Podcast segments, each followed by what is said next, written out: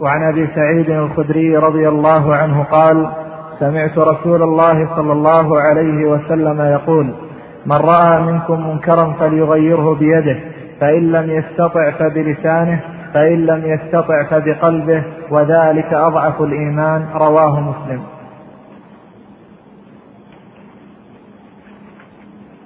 هذا الحديث حديث عظيم أيضا في بيان وجوب الأمر بالمعروف والنهي عن المنكر. وهو حديث معلوم لديكم بتفاصيل الكلام عليه لأنه كثر بيانه وبيان ما فيه لكن نختصر المقام. عن أبي سعيد الخدري رضي الله عنه قال سمعت رسول الله صلى الله عليه وسلم يقول من رأى منكم منكرا فليغيره بيده. المنكر اسم لما عرف في الشريعة قبحه والنهي عنه. فلا يكون منكرا حتى يكون محرما في الشريعة. وهنا قال من رأى منكم منكرا فليغيره بيده. وهنا شرط وجواب الشرط. أما جواب الشرط فهو الأمر بالتغيير باليد وهذا الأمر على الوجوب مع القدرة. وأما فعل الشرط فهو قوله من رأى منكم منكرا والفعل رأى هو الذي تعلق به الحكم وهو وجوب الإنكار. ورأى هنا بصرية لأنها تعدت إلى مفعول واحد. فحصل لنا بذلك أن معنى الحديث من رأى منكم منكرا بعينه فليغيره بيده. وهذا تقييد لوجوب الإنكار بما إذا رؤي بالعين. وأما العلم بالمنكر فلا يكتفى به في وجوب الإنكار. كما دل عليه ظاهر هذا الحديث. قال العلماء ظاهر الحديث على أنه لا يجب حتى يرى بالعين وينزل السمع المحقق منزلة الرأي بالعين. فإذا سمع منكرا سماعا محققا سمع صوت رجل وامرأة في خلوة محرمة سماعا محققا يعرف بيقين أن هذا محرم وأنه لا يفعل أن هذا في كلامه إنما هو مع أجنبية وأشبه ذلك فإنه يجب عليه الإنكار لتنزيل السماع المحقق منزلة النظر. كذلك إذا سمع أصوات معازف أو أصوات ملاهي أو أشباه ذلك بسماع محقق فإنه يجب عليه هنا الإنكار. وأما غير ذلك فلا يدخل في الحديث. فإذا علم بمنكر فإنه هنا لا يدخل في الإنكار وإنما يدخل في النصيحة لأن الإنكار علق بالرؤية في هذا الحديث وينزل كما قال العلماء السماع المحقق فقط منزلة الرؤية. قال من رأى منكم منكرا. وفي قوله منكرا يظهر تعليق الأمر بالمنكر دون الواقع فيه. فالحكم بالأمر بالتغيير باليد هذا راجع إلى المنكر. أما الواقع في المنكر فهذا له بحث آخر. قال فليغيره يعني فليغير المنكر.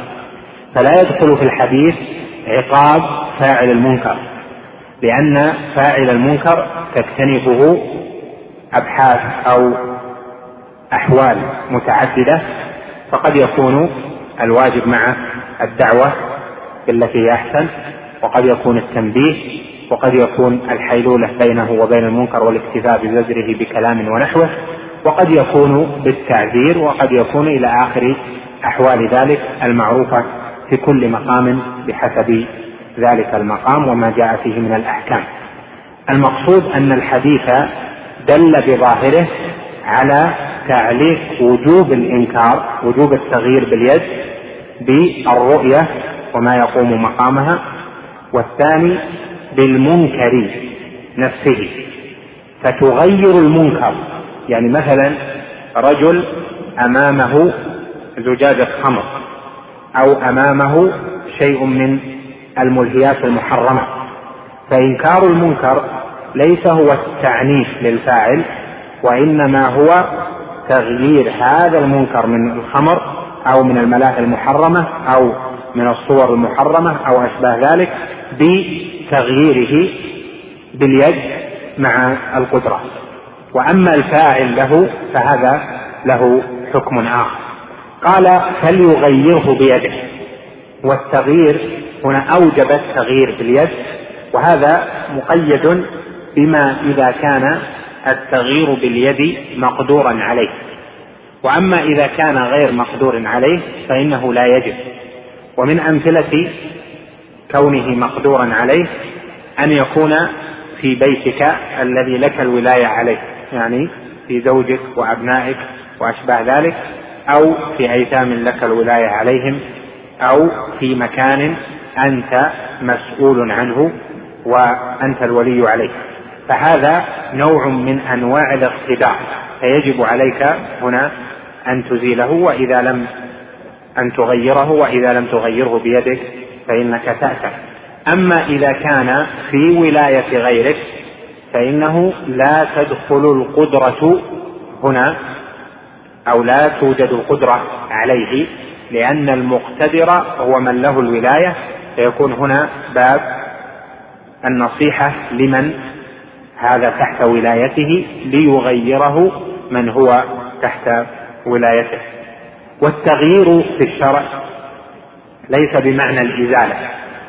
التغيير اسم يشمل الإزالة ويشمل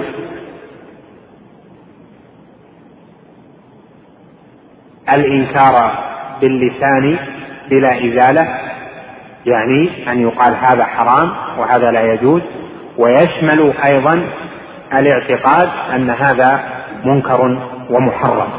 ولهذا جاء في هذا الحديث بيان هذه المعاني الثلاث. فقال عليه الصلاة والسلام فمن فإن لم يستطع التغيير بيده فبلسانه. يعني فليغيره بلسانه.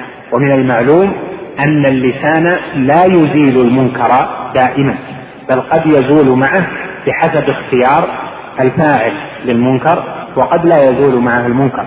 تقول مثلا لفلان هذا حرام وهذا منكر لا يجوز له. قد ينتهي وقد لا ينتهي. فإذا أخبرت الخلق أو المكلف الواقع في هذا المنكر إذا أخبرته بأنه منكر وحرام فقد غيرت. وإذا سكت فإنك لم تغير.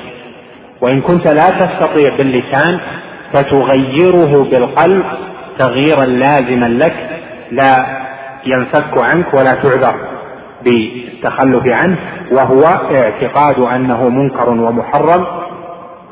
والبراءة من الفعل يعني بعدم الرضا به. لهذا جاء في سنن أبي داود أنه عليه الصلاة والسلام قال إذا عملت الخطيئة كان من غاب عنها ورضيها كان من غاب عنها ورضيها كمن عملها وكان من غاب عنها وكان من شهدها فلم يفعلها كمن فعلها. وهذا يعني أن الراضي بالشيء كفاعله لأن المنكر لا يجوز أن يقر يعني أن يقره المرء ولو من جهة الرضا. وهذا ظاهر في قوله جل وعلا فلا تقعدوا معهم إنكم اذا مثلهم. في الآية الأخرى فلا تقعد بعد الذكرى مع القوم الظالمين. فمن جلس في مكان يستهزأ فيه بآيات الله وهو جالس لا يفارق ذلك المكان فهو في حكم الفاعل من جهة رضاه بذلك لأن الراضي بالذنب كفاعله كما قال العلماء. إذا تبين ذلك فها هنا مسائل تتعلق بهذا الحديث وهي أن الإنكار وجوب الإنكار متعلق بالقدرة بالإجماع ومتعلق بظن الانتفاع عند كثير من أهل العلم. قال طائفة من العلماء إنما يجب الإنكار إذا غلب على ظنه أن ينتفع المنكر. يعني باللسان فيما لا يدخل تحت ولايته أما إذا غلب على ظنه أنه لا ينتفع فإنه لا يجب الإنكار. وذلك بظاهر قول الله جل وعلا فذكر إن نفعت الذكرى. فأوجب التذكير بشرط الانتفاع. وهذا ذهب إليه جماعة من أهل العلم منهم شيخ الإسلام ابن تيمية وغيره ودل عليه عمل عدد من الصحابة رضوان الله عليهم كابن عمر وابن عباس وغيرهما لما دخلوا على الولاة وأمراء المؤمنين في بيوتهم وكان عندهم بعض المنكرات في مجالسهم فلم ينكروها وذلك لغلبة الظن أنهم لا ينتفعون بذلك لأنها من الأمور التي أقروها وسرت فيما بينهم. وهذا خلاف قول الجمهور والجمهور على أنه يجب مطلقا سواء غلب على الظن أم لم يغلب على الظن لأن إيجاب الإنكار لحق الله جل وعلا وهذا لا يدخل فيه غلبة الظن. والقول الثاني وهو قول شيخ الإسلام ابن تيمية كما ذكرت لكم وجماعة من أنه يجب مع غلبة الظن. هذا أوجه من جهة نصوص الشريعة لأن أعمال المكلفين مبنية على ما يغلب يغلب على ظنهم. والنبي صلى الله عليه وسلم قال من رأى منكم منكرا فليغيره بيده فإن لم يستطع فبلسانه فإن لم يستطع فبقلبه. وعدم الاستطاعة هذه تشمل عدة أحوال ويدخل فيها غلبة الظن أن لا ينتفع الخصم. مثلا إذا قابلت حليقا للحية أو قابلت امرأة سفرت وجهها ونحو ذلك.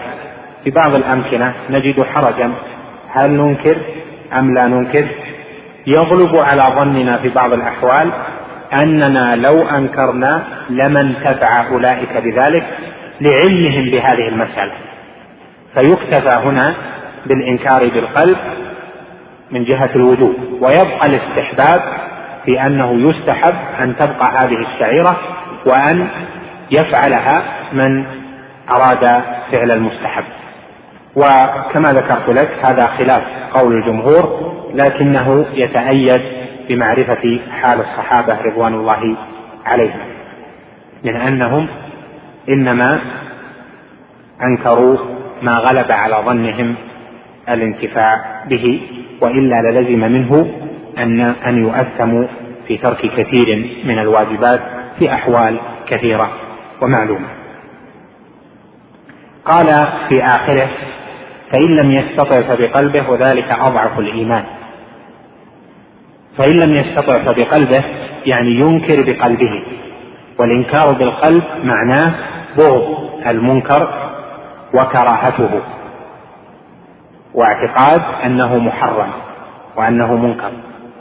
وذلك أضعف الإيمان يعني هذا أقل درجات الإيمان لأنه هو الذي يجب على كل أحد.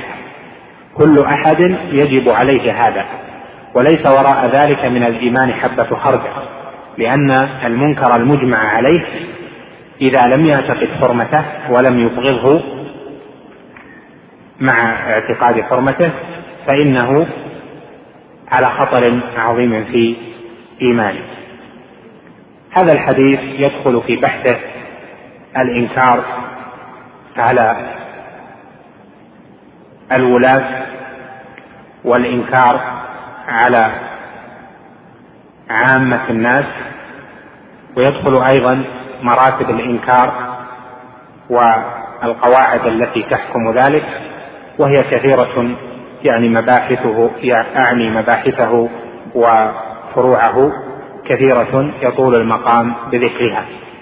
لكن أنبه على مسألة مهمة ذكرتها عدة مرات وهي أن هناك فرقا ما بين النصيحة والإنكار في الشريعة وذلك أن الإنكار أضيق من النصيحة فالنصيحة اسم عام يشمل أشياء كثيرة كما مر معنا في حديث الدين النصيحة ومنها الإنكار. فالإنكار حال من أحوال النصيحة. ولهذا كان مقيدا بقيود وله ضوابطه. فمن ضوابطه أن الإنكار الأصل فيه أن يكون علنا. لقوله من رأى منكم منكرا فليغيره بيده فإن لم يستطع فبلسانه. وهذا بشرط رؤية المنكر. وهنا ندخل في بحث مسألة بحثناها مرارا وهي أن الولاة ينكر عليهم إذا فعلوا المنكر بأنفسهم ورآه من فعل أمامه ذلك الشيء. وعلى هذا يحمل هدي السلف في ذلك. وكل الأحاديث التي جاءت وهي كثيرة أكثر من عشرة أو اثنى عشر حديث في هذا الباب فيها إنكار طائفة من السلف على الأمير أو على الوالي كلها على هذا الضابط وهو أنهم أنكروا أنكروا شيئا رأوه من الأمير أمامهم ولم يكن هدي السلف أن ينكروا على الوالي شيئا أجراه في ولايته. ولهذا لما حصل من عثمان بعض رضي الله عنه بعض الاجتهادات وقيل لأسامة بن زيد رضي الله عنهما ألا تنصح لعثمان؟ ألا ترى إلى ما فعل؟ قال أما إني بذلته له سرا لا أكون فاتح باب فتنة. تفرق السلف في المنكر الذي يفعل أمام الناس كحال الأمير الذي قدم خطبتي العيد على الصلاة وكالذي أتى للناس وقد لبس ثوبين وأحوال كثيرة في هذا فرقوا ما بين حصول المنكر منه أمام الناس علنا وما بين ما يجريه في ولايته. فجعلوا ما يجريه في ولايته باب من أبواب النصيحة. وما يفعله علنا يأتي هذا الحديث فمن رأى منكم منكرا فليغيره بيده. مع الحكمة في ذلك. لهذا قال رجل لابن عباس رضي الله عنهما ألا آتي الأمير فآمره وأنهاه؟ قال لا تفعل. فإن كان ففيما بينك وبينه. قال أرأيت إن أمرني بمعصية؟ قال أما إن كان ذاك فعليك إذن. فدل هذا على أن الأمر والنهي المتعلق بالوالي إنما يكون فيما بين المرء وبينه فيما يكون في ولايته. وأما إذا كان يفعل الشيء أمام الناس فإن هذا يجب أن ينكر من رآه بحسب القدرة وبحسب القواعد التي تحكم ذلك. إذا تقرر هذا فتم مسألة متصلة بهذه وهي أن قاعدة الإنكار مبنية على قاعدة أخرى ذكرها شيخ الإسلام ابن تيمية وابن القيم وهي أنه لا يجوز إنكار منكر حتى تتيقن أنه لن ينتقل المنكر عليه إلى منكر أشد منه. قال شيخ الإسلام ومن أنكر ظانا أنه ينتقل فإنه يأثم. حتى يتيقن أن ما أن إنكاره سينقل المنكر عليه إلى ما هو أفضل. وقد قال بعض أهل العلم إن هذا مجمع عليه. ومثل لهذا ابن القيم بمسائل كثيرة في كتابه إعلام الموقعين فقال مثلا لو أتيت إلى أناس يلعبون لعبا محرما أو يشتغلون بكتب مجون.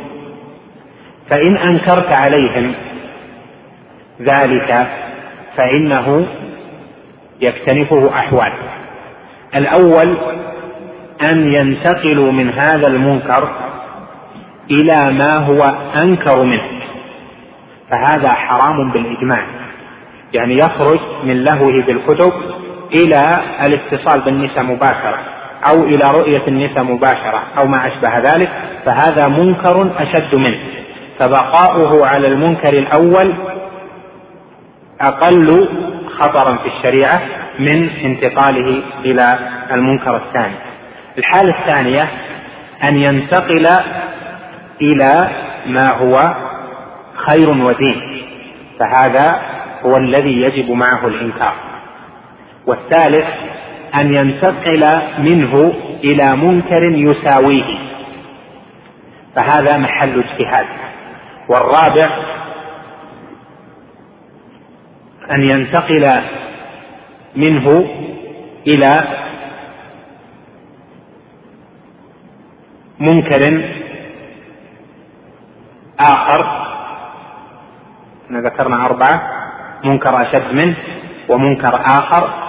ومنكر مساويه وإلى خير. هذه أربعة أقسام. وإلى منكر آخر فهذا محل فهذا أيضا آه، لا يجوز. وإذا كان إلى منكر مساويه فهذا محل اجتهاد. وإلى خير فهذا واجب. وإلى منكر أشد منه فهذا لا يجوز. فتحصل منه أن ثم حالتان أن ثم حالتين يحرم فيها الإنكار وهي إذا انتقل من منكر إلى منكر آخر غير مساوي وإلى منكر يعني ما تدري أنه مساوي وإلى منكر أشد منه بيقينك فهذه حرام بالإجماع. والثالث والثالث أن ينتقل إلى منكر مساو فهذا فيه محل اجتهاد. والرابع أن ينتقل إلى خير وهذا يجب معه الإنكار. وذكر قصة لشيخ الإسلام ابن تيمية أنه مر مع وطائفة من أصحابه على قوم من السكر يلعبون بالشطرنج ويشربون الخمر في شارع من شوارع دمشق علنا فقال أحد أصحاب شيخ الإسلام ابن تيمية رحمه الله ألا ننكر على هؤلاء؟ فقال شيخ الإسلام دعهم فإن انشغالهم بذلك أهون من أن يعيثوا في المسلمين أو أن يعتدوا عليهم. وهذا من الفقه العظيم لأن هذا منكر ومحرم لكنه قاصر والإنكار عليهم قد يكون معه أن ينتقلوا إلى منكر متعد على بعض المسلمين ومعلوم أن المنكر القاصر أهون من المنكر المتعدي هذه بعض المباحث التي يحسن ذكرها عند هذا الحديث. نعم.